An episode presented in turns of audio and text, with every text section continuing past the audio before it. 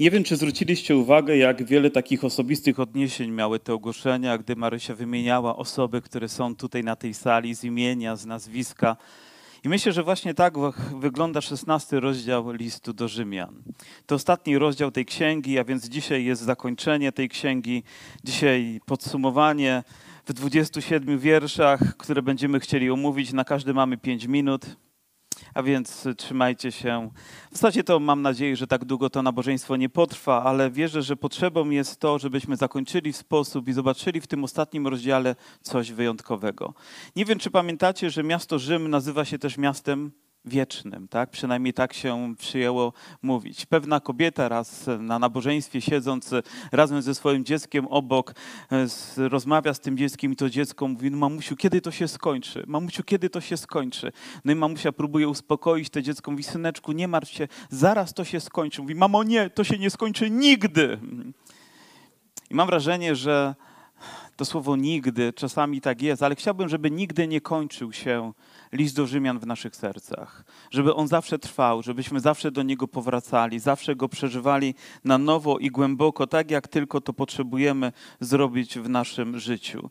Będziemy sięgać rzeczy bardzo osobistych, bardzo dotykających, chyba wtedy, gdy był ten list czytany, osób, które siedziały gdzieś w sali, a może w domu i nagle padało ich nazwisko, ich imię, nagle zostały wymieniane z tej listy osób, które są tutaj wymienione i pewnie serce im biło wtedy mocniej dlatego że były częścią tego zboru, dlatego że żyły w tym zborze, dlatego że były zaangażowane. Nie wiem, ile pamiętały z treści, ale gdy zostało wymienione ich imię, ta treść stawała się dla nich osobista. Jakże bym chciał, żeby Bóg dzisiaj w ponadnaturalny sposób dotknął każdego z nas. A gdyby dzisiaj Paweł napisał list do Dąbrowy Górniczej podobnej treści, a na końcu miał wymienić osoby, które są w tym zborze, które są wierne Bogu, są zaangażowane, czy padłoby tam moje imię, czy wymieniłby Twoje imię, czy moglibyśmy to przeżyć również osobiście. Myślę, że ważne dla nas również ludzi dzisiaj jest to, aby być częścią zboru, aby być w miejscu, gdzie Ewangelia jest zwiastowana, gdzie żyjemy razem, gdzie funkcjonujemy razem. A więc poprzednie dwa rozdziały mówiły o praktycznych rzeczach dotyczących funkcjonowania Kościoła, ale szesnasty rozdział mówi o bardzo osobistym zaangażowaniu każdego z nich w życie Kościoła. I zaczyna się od słów oto polecam wam Febę, siostrę naszą. Jest tu jakaś siostra, która Feba ma na imię? Podejrzewam, że nie. Dzisiaj szuka się nowych imion. W ogóle młodzi, jak mają wybrać imię dla dziecka, no to myślą, jakie tu imię wybrać. Nie, ostatnie imię, jakie zostało wybrane, to Michelle. Ja wybrałem drugie imię Anna. Może kiedyś dziecko pójdzie po rozum, znaczy chciałem powiedzieć, że kiedyś może to imię też będzie dla niej ważne. Ale gdyby, nie wiem, gdybyście chcieli listę imion do wyboru, to tutaj w liście do Rzymian w 16 rozdziale powiem, mamy całą możliwość wyboru różnych imion. Febę, siostrę naszą w Panu, która jest diakonisą zboru w Kenchreach. Trudne słowo do wypowiedzenia, która jest diakonisą zboru w Kenchreach. Kiedyś czytałem jakieś rozważanie człowieka, który na podstawie tego fragmentu przyjął pewną tezę i naukę, która mówiła o tym, że ten fragment i odniesienie do tej kobiety dowodzi, że kobiety w tamtych zborach spełniały funkcje, bardzo oficjalne funkcje, więc zostały wybierane, były ordynowane i na podstawie tego fragmentu właśnie taki wniosek e, on wysnuł. Ja nie wyczytuję z tego fragmentu i nie dochodzę do takiego wniosku, takich tez, które mogłyby potwierdzić. I myślę, że zgadzam się tu nie tylko z tym fragmentem, ale musimy znać całą naukę apostoła Pawła.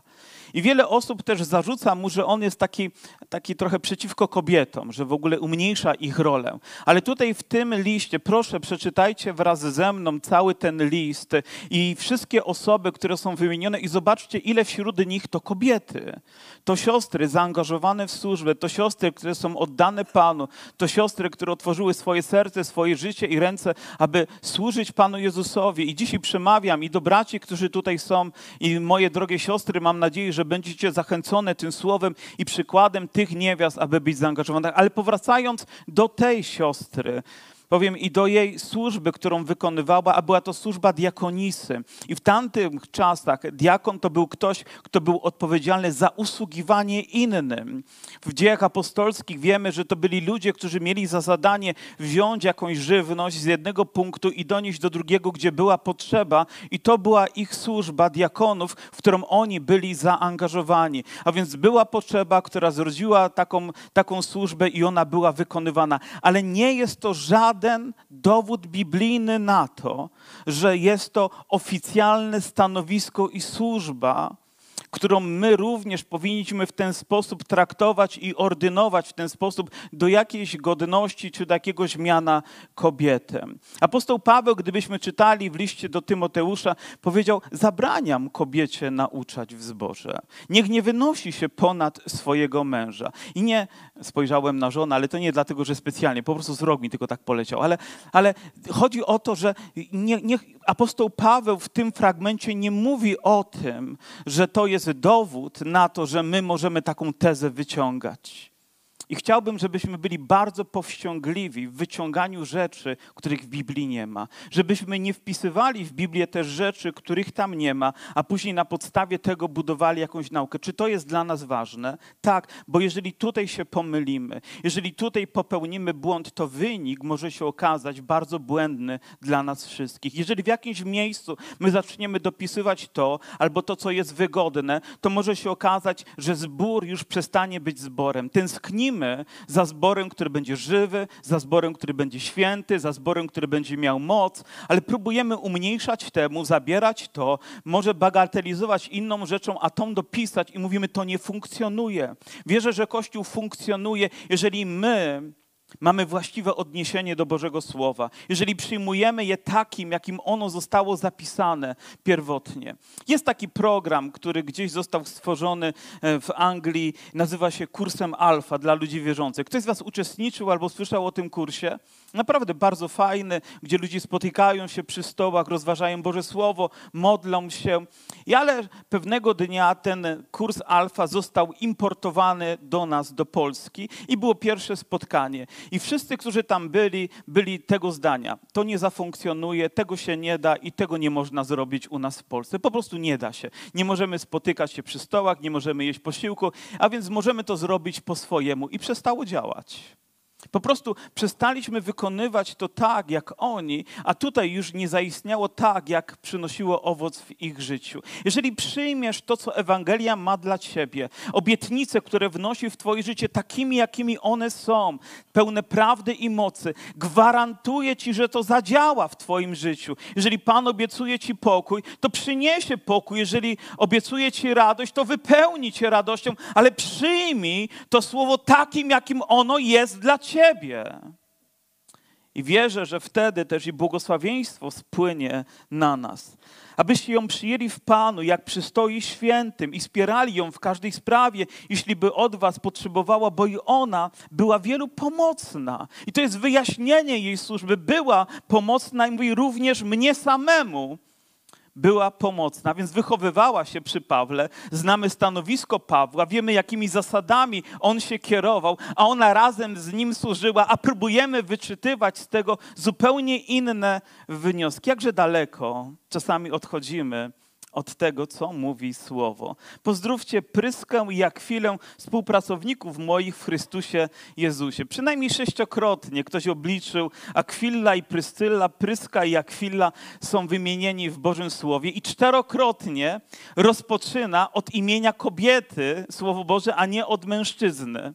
To jest również zadziwiające, bo w tamtych czasach, jeżeli pisało się list, to nie rozpoczynało się tak jak my to poprawnie, grzecznie robimy, drogie panie albo drogie siostry, drodzy bracia.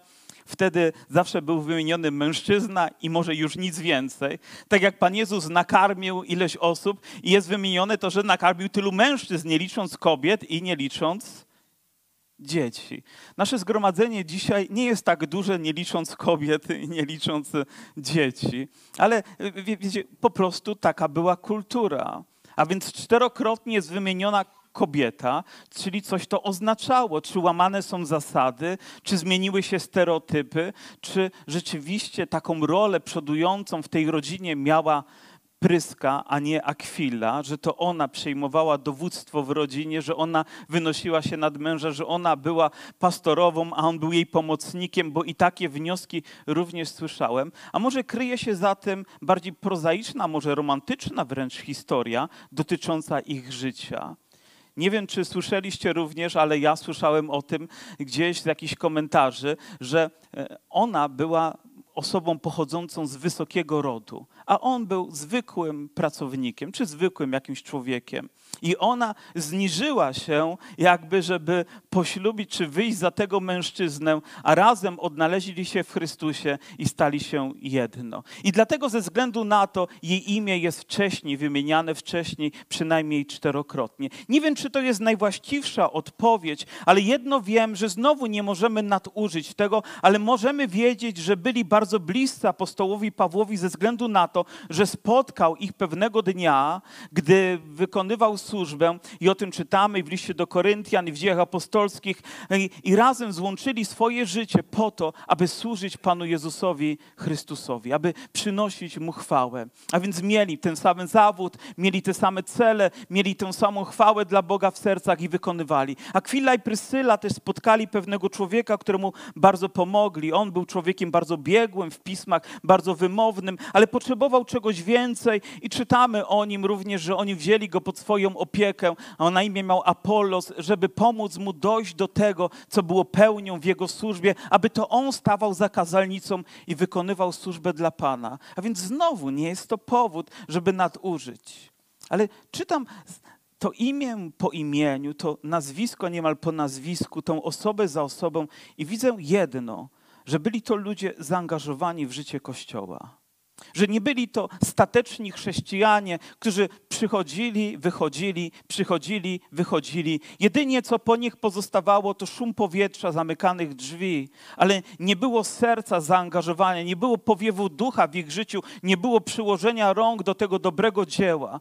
Bogu chodzi o coś więcej. A więc gdyby dzisiaj miał wymienić kolejne osoby, to chcielibyśmy, żeby to padło na nas i było wymienione coś, co jest związane z naszym chrześcijańskim życiem z naszym zaangażowaniem. Mówi także zbór, który jest w ich domu, a więc rzecz idzie jeszcze głębiej. W tamtych czasach nie było budowanych kaplic. Pewnie nie jesteście tym zaskoczeni. Wszystkie budowle powstały później. Ludzie spotykali się gdzie?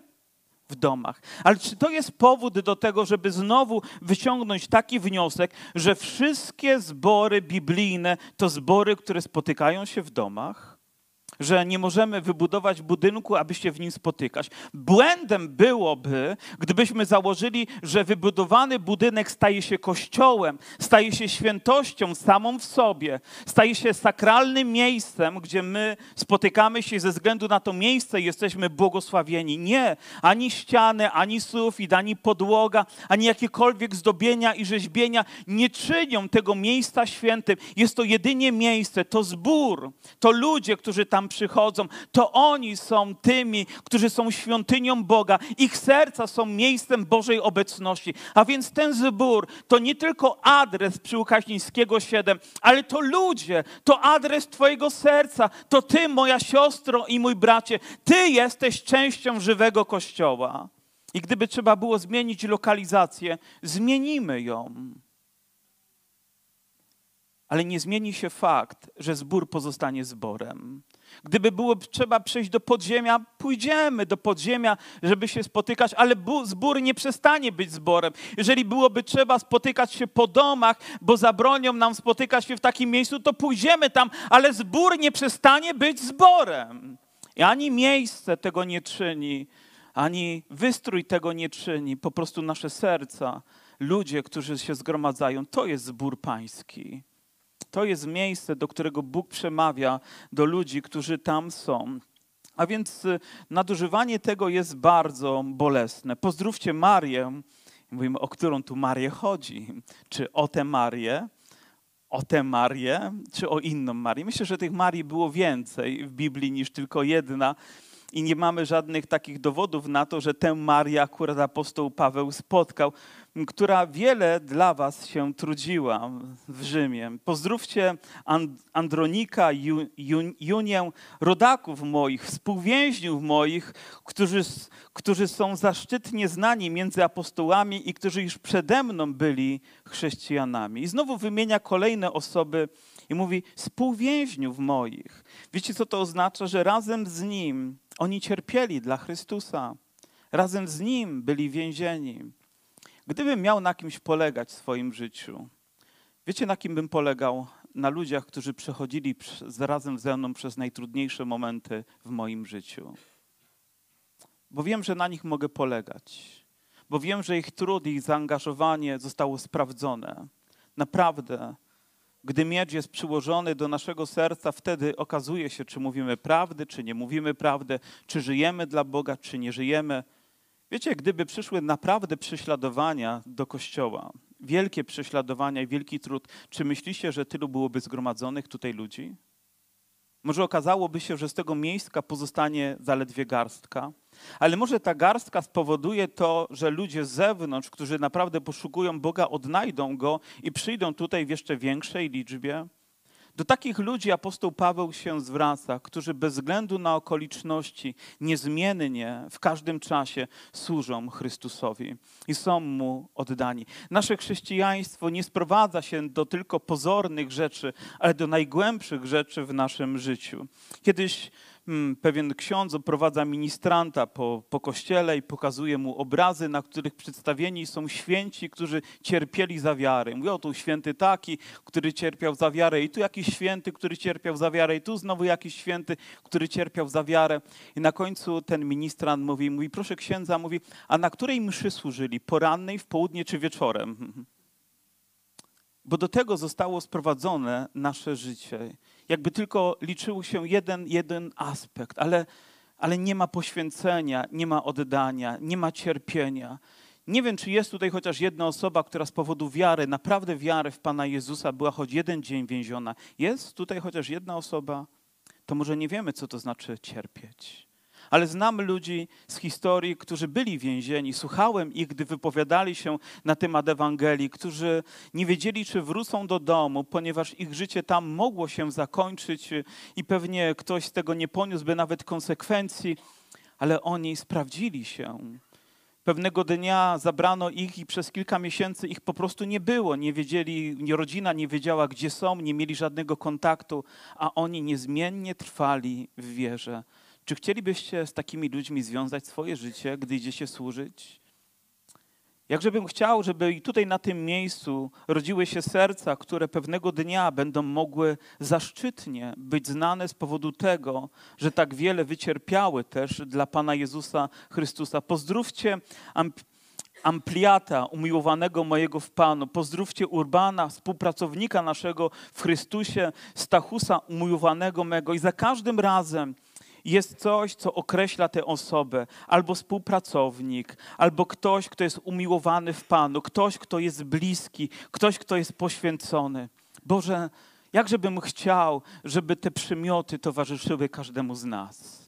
Jakżebym chciał, żeby o nas ktoś powiedział, tak, ta osoba trudzi się dla Pana, tak, ta osoba żyje życiem pełnym miłości dla Boga, tak, umiłowałem ją tak mocno, ponieważ jest tak oddana też również Tobie. Czy zauważacie, że poziom relacji z Bogiem łączy nas bliżej niż więzy naszej krwi? Że mój brat i moja siostra stoją się mi tak bliscy, tak osobiści, że mogę do nich skierować te słowa, że nawet nie mógłbym tego samego listu napisać do jakiejś rodziny, z którą łączą mnie te ludzkie więzy ponieważ tutaj są ci, którzy są bliscy Panu, a poprzez to stali się bliscy również i mnie. Dlatego, moja siostro, mój bracie, potrzebujesz złączyć swoje życie z Kościołem Pana Jezusa Chrystusa. Powinieneś być częścią. Paweł pisze do zboru, pisze do konkretnych ludzi. Czy napisałby do ciebie, bo jesteś częścią Kościoła? Ja wiem, że ludzie mówią, a ja jestem częścią takiego całego Kościoła Pana Jezusa.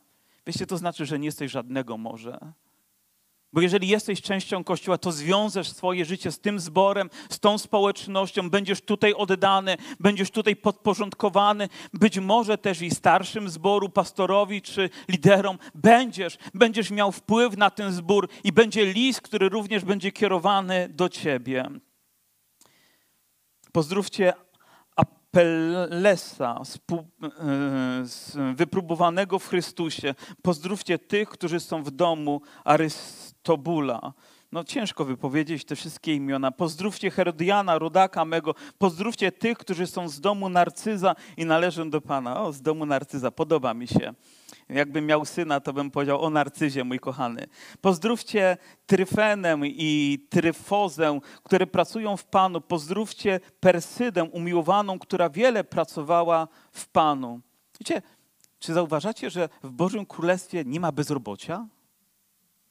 Że wszyscy są zaangażowani, wszyscy są jakoś oddani. Pozdrówcie Rufa, wybranego w Panu, i matkę jego, i moją. Czy to jest tak osobiste, że tam są osoby, które są rodzinnie też związane z apostołem Pawłem. No bo jeżeli Rów jest związany z matką apostoła Pawła, to kim jest dla niego? Jest taka zagadka, która mówi: Syn twojego ojca, a nie twój brat. To ja, prawda? To łatwa odpowiedź. Pozdrówcie Asynkrytę i Flegonta, Hermesa, Patrobę, Hermasa i braci, którzy są z nimi. Pozdrówcie filologa Julię, Mareusza i siostrę jego, Olimpasa i wszystkich świętych, którzy są z nimi. Apostoł Paweł w końcu i wszystkich świętych, którzy są z nimi. Słyszałem kiedyś pewną historię o człowieku, który wyszedł pijany z baru. Oczywiście to zaprzecza wczorajszemu dniu i tak próbują, to było dawnymi czasy, wsiąść na konia i modli się tak, jak potrafi. I mówi, święty Józef, Józefie, pomóż mi. I przekłada nogę i nie może. I mówi, i święty Hiacenty, pomóż mi. I znowu próbuje przełożyć nogę, aż w końcu nie może, nie może. I mówi, wszyscy święci, pomóżcie mi. I przełożył nogę i przerzuciło go na drugą stronę. I mówi, ale nie wszyscy naraz. Wiecie, Bóg potrzebuje zwyczajnych świętych w swoim kościele. Co za tytuł dla każdego z nas, wybrany przez Boga poprzez dzieło, które wykonał dla nas. A więc jeżeli odnoszę się do mojego brata, do mojej siostry, to odnoszę się do kogoś, kto jest święty. Kogoś, kogo Bóg wybrał, kogoś, kogo Jezus odkupił, kogoś, kto stał się tak cenny w Jego oczach. Świętymi bądźcie, bo ja jestem święty, mówi Pan. Kościół to miejsce, to wybrane miejsce dla świętych ludzi.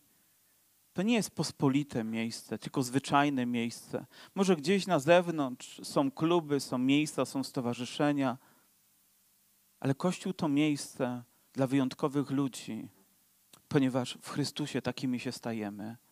A więc jest to bardzo głębokie i, i przeszywające nasze serca. Pozdrówcie, i tutaj zagadka, jedni drugich pocałunkiem świętym. A gdybym teraz, idąc za apostołem Pawłem, i, i nakazał posłuszeństwo zborowi pańskiemu w Dąbrowie Górniczej.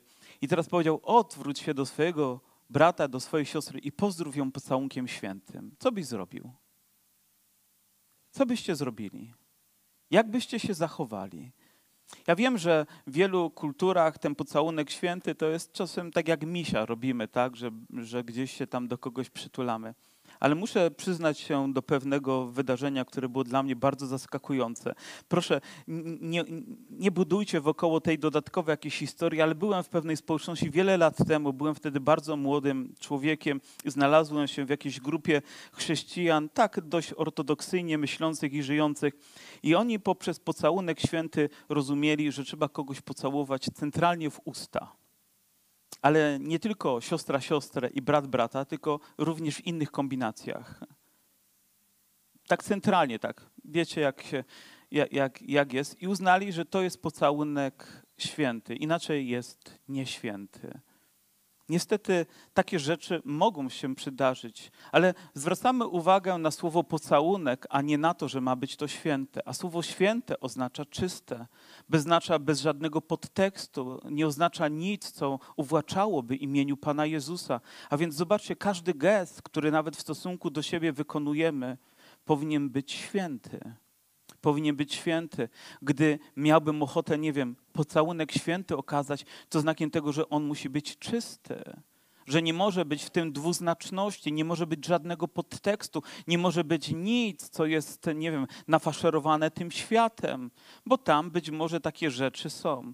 Nie wiem, kiedyś patrzyłem na młodych ludzi, którzy gdzieś w jakimś, mieli jakieś spotkanie chyba w szkole i dziewczyny przychodziły i chłopcy i wszyscy się całowali nawzajem. Dziewczyny z chłopakami, to tak oczywiście policzkiem od siebie e, się ocierali. Gdy ja wychowywałem się w, w szkole w latach 70., i jeszcze 80. też, przynajmniej na początku, bo taki stary jestem, powiem, to dla mnie przyjście do szkoły oznaczało, że nawet dziewczyną ręki się nie podawało. Powiem, ewentualnie jak cześć się powiedziało, to już był wielki wysiłek, na który mężczyzna się zdobył w tamtym czasie, ale pocałunek, chłopaka albo dziewczyna, albo kogokolwiek. Powiem, ja, ja, nawet nie wyobrażałem sobie, że taka rzecz mogłaby kulturowo zaistnieć, a ona zaistniała, prawda? I uznało się to za dobre. Ale czy to jest święte? Czy to jest dobre? Czy to jest właściwe? Tego już nie zadaje sobie jakby tego pytania nikt. A więc gdy ja odnoszę się do mojej siostry, do mojego brata, gdy dzwoni mu telefon, to muszę być święty. Ale chodzi mi o to, że powinniśmy być w stosunku do siebie święci, czyści, nieprowokujący, niewzbudzający kontrowersji, nie dający pobudki do grzechu i moim zachowaniem, i moim ubiorem, i standardami mojego życia. Nie wiem, czy zauważyliście, że ja dzisiaj garnitur założyłem że białą koszulę założyłem. Wiecie dlaczego? Bo koniec cyklu kazań dzisiaj jest z listu do Rzymian. I pomyślałem sobie, że za każdym razem, gdy będę jakiś cykl kończył, to garnitur założę i koszulę białą. A więc po tym poznacie, czy kończy się jakiś cykl kazań. Dobra? Ale chciałbym być właściwie nastawiony do wszystkich. A może to jest tylko wyciągnięcie ręki i to wystarcza. Może nie przekraczamy jakichś barier, żeby nie wzbudzać kontrowersji, ale nasze relacje, pomiędzy nami, w Kościele, powinny być żywe i powinny być święte. Powinny być chwałą dla Boga i nie przekraczającą żadnych granic, które mogłyby być złe. A proszę Was, bracia, abyście się strzegli tych, którzy wzniecają spory. Zobaczcie, jaka różnica pomiędzy wcześniejszym wierszem a tym. Jedni dążą do świętości, a drudzy do tego, żeby jej, ich Kościoła pozbawić powiem, wzbudzają kontrowersje, spory. I to nie była przeszłość tylko, to jest teraźniejszość. Nie tylko wtedy ludzie to lubili, ale również i dzisiaj lubią. Nawet ludzie lubią zadawać pytanie tylko po to, żeby kontrowersje wzbudzić. Pamiętam pewne konferencje, które odbywaliśmy też lata temu, różnego rodzaju. Jeździliśmy od konferencji do konferencji, szkoliliśmy się w różnych dobrych rzeczach. I był jeden temat zapalny, zwłaszcza dla braci. Jeżeli chcielibyście wzbudzić całą nocną dyskusję, to wystarczyło zadać pytanie w pewnym zgromadzeniu, czy kobiety powinny nakrywać głowy. I nie mówiły to kobiety, tylko mężczyźni, noc z głowy. Dyskusja wrzała do rana. Nawet gdy rano człowiek się obudził o, o, nie wiem, o siódmej czy szóstej, to oni jeszcze dyskutowali na ten temat. Myślę, że nie o to chodzi w tym fragmencie, ale tak łatwo jest skłócić ludzi. A czy słyszałeś, że a czy na pewno to prawda? Albo inne takie rzeczy, które będą wzbudzać tylko i wyłącznie kontrowersje, albo będą nastawiać ludzi jednych przeciwko drugim. Doświadczyłeś tego? Jeżeli nie, to doświadczysz, bo Kościół to też niestety tylko ludzie. Jedni przychodzą, żeby świętować, ale nie wszyscy mamy takie same intencje. I musimy być uważni. I wiecie, co Biblia mówi? Nie miej wiele wspólnego z takimi ludźmi. Po prostu to jest zasada. Nie dlatego, że chcemy tych ludzi wykluczyć, ale może dlatego, że chcemy nauczyć ich właściwej postawy. Jeżeli o tym mówisz, to nie rozmawiaj ze mną.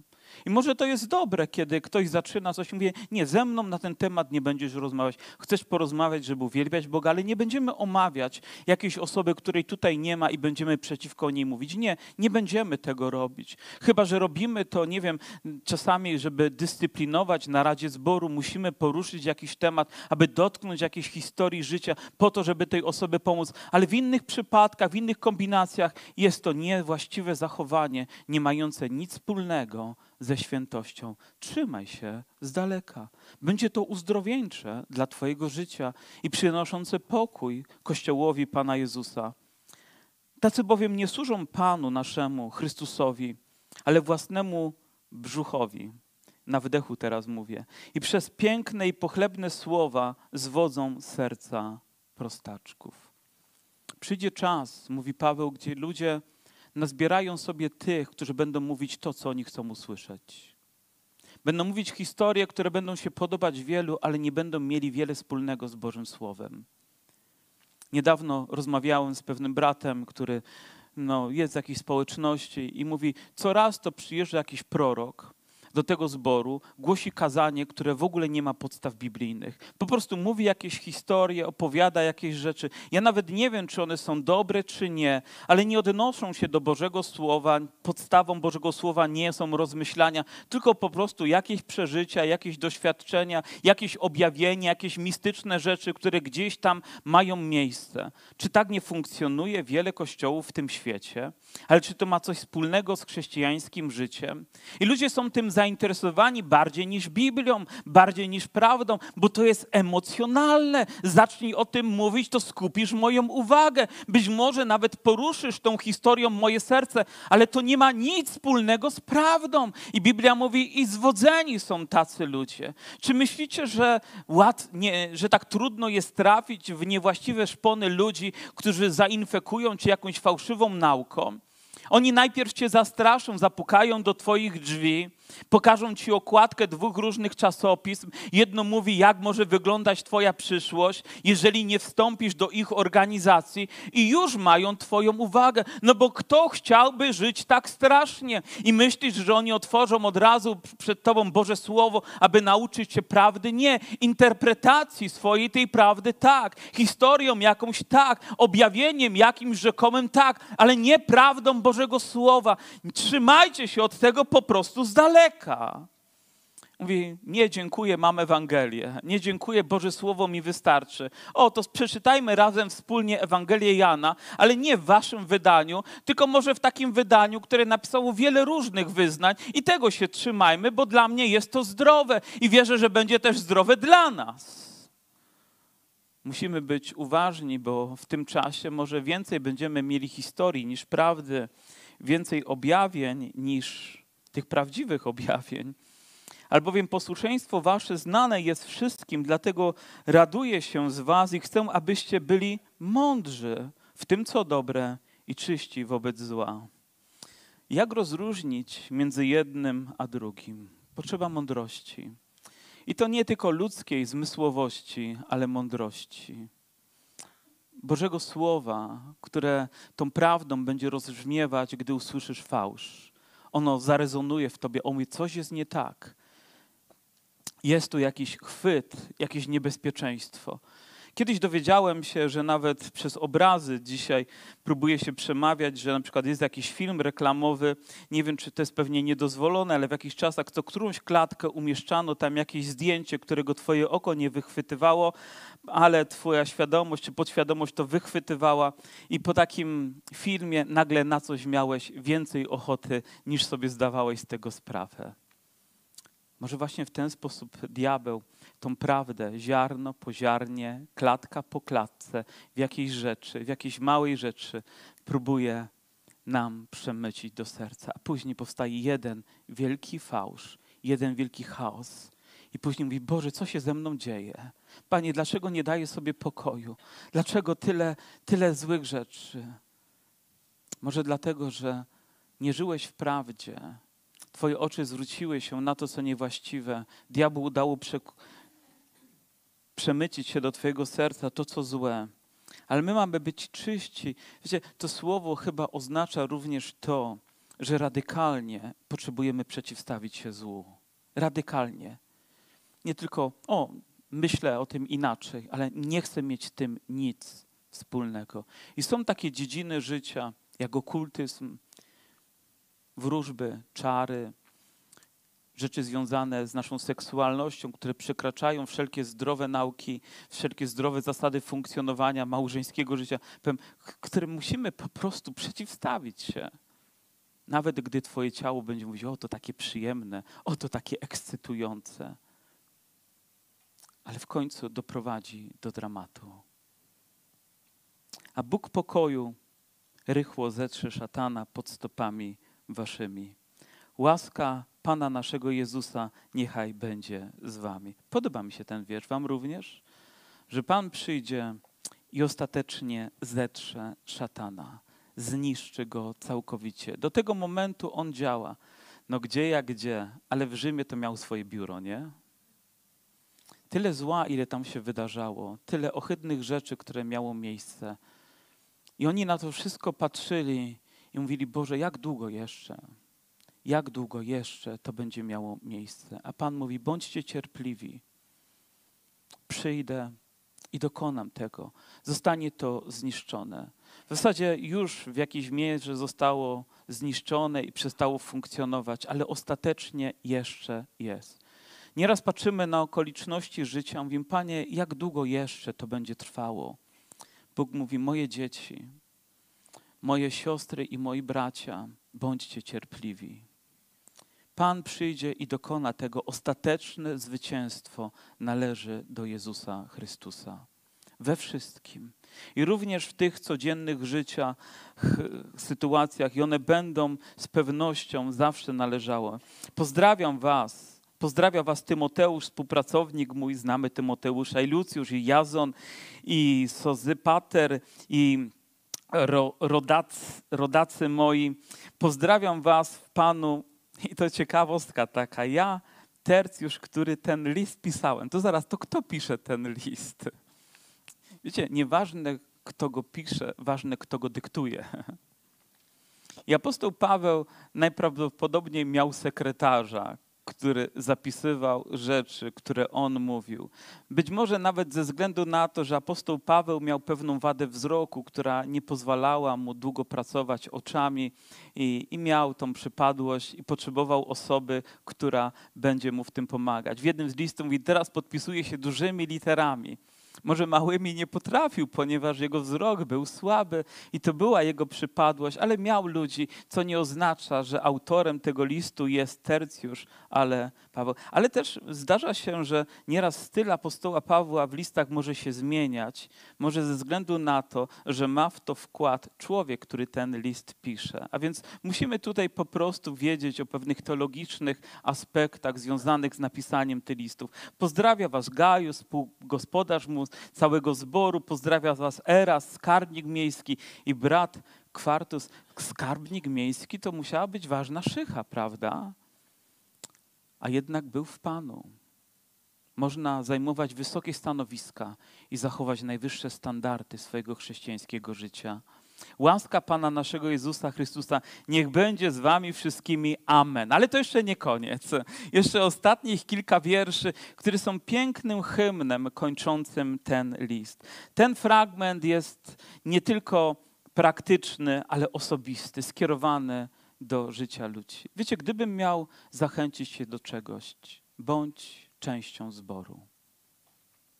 Zdeklarowaną, świadomą, odpowiedzialną. Bądź czynnym członkiem zboru, to znaczy bądź zaangażowany w życie, a zobaczysz, jak strumienie Bożej łaski i mocy jeszcze intensywniej będą przepływały przez Twoje życie. Zobaczysz, jak ożyje nawet Twoja duchowość poprzez relacje, jakie zostaną wytworzone i w kościele z innymi ludźmi. Wiecie, naprawdę w pracy można poznać ludzi. Byłem kiedyś na misji E, to było na początku lat 90. No, w takiej małej miejscowości gdzieś przy wschodzie Polski, nawet e, Łomża ta się miejscowość się nazywała. I tam przez tydzień czasu była Ewangelia pod namiotem i byliśmy w to zaangażowani jako młodzi ludzie. Tam moja żona zespołem śpiewała, a ja chodziłem po ulicach, rozdawałem traktaty, no ale byliśmy zaangażowani razem, spaliśmy w jakiejś szkole, nawet w jednej sali spaliśmy wszyscy razem.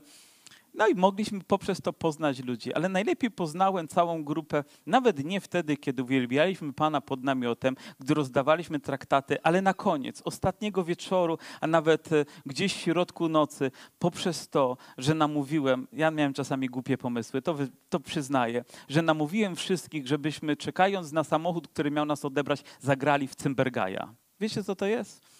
To taka gra gdzieś guzikami czy, czy, czy monetami od bramki do bramki. Mówię, zagramy w Cymbergaja, umilimy sobie. Przecież mogłem powiedzieć, módlmy się, niech szczęśliwie dojadą. A ja mówię, w Cymbergaja zagramy.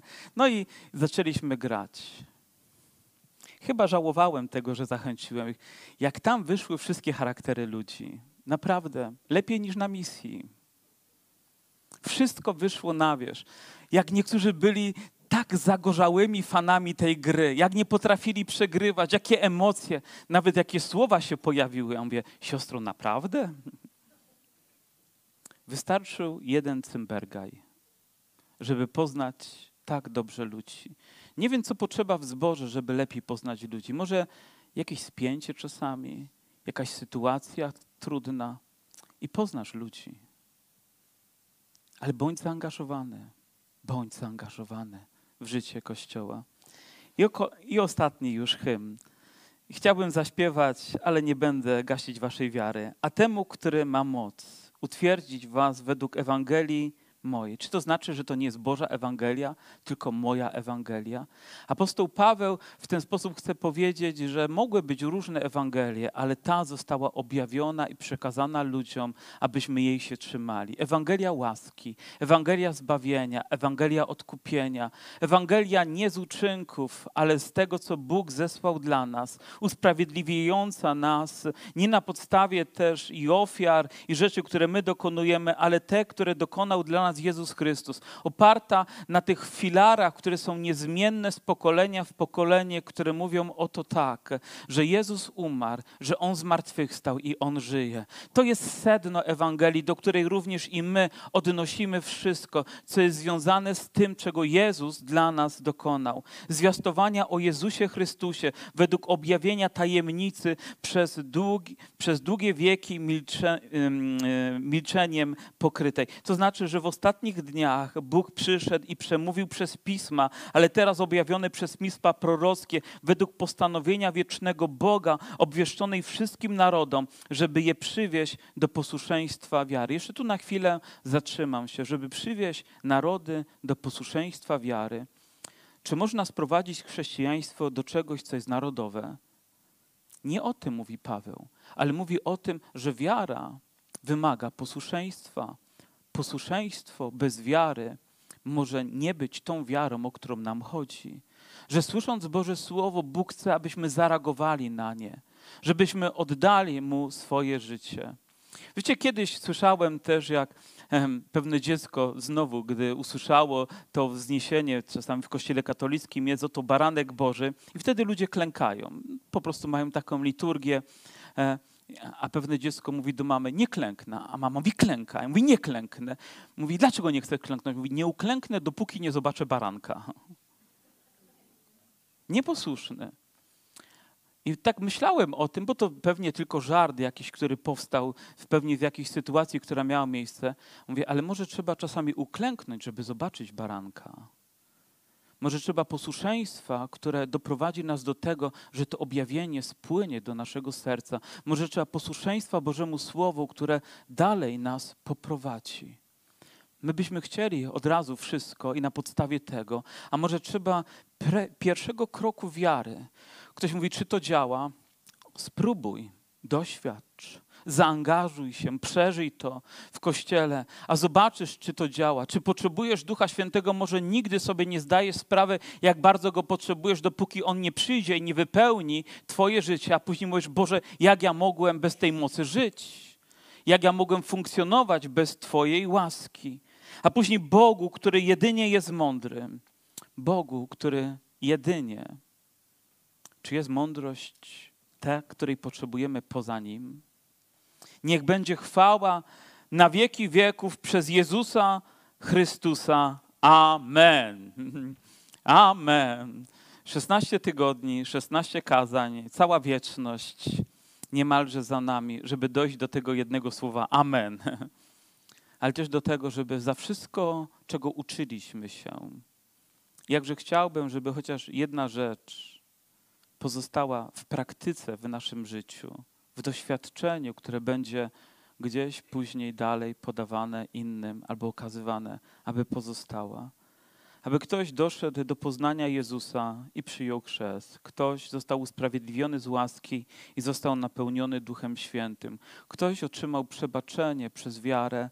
Ktoś zaczął żyć i funkcjonować w Kościele tak, jak Pan tego oczekuje. Ktoś stał się imienną częścią żywego Kościoła Pana Jezusa z oddaniem i poświęceniem.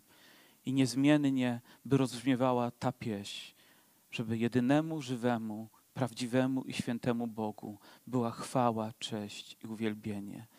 Wiecie, gdybym nawet wszystkie inne rzeczy zapomniał, to chciałbym, żeby ta melodia tej pieśni wciąż rozbrzmiewała w moim sercu, wciąż zachęcała mnie do mojej wiary, do kolejnego kroku wierze, jedynemu świętemu Bogu. Niech będzie chwała, cześć i uwielbienie.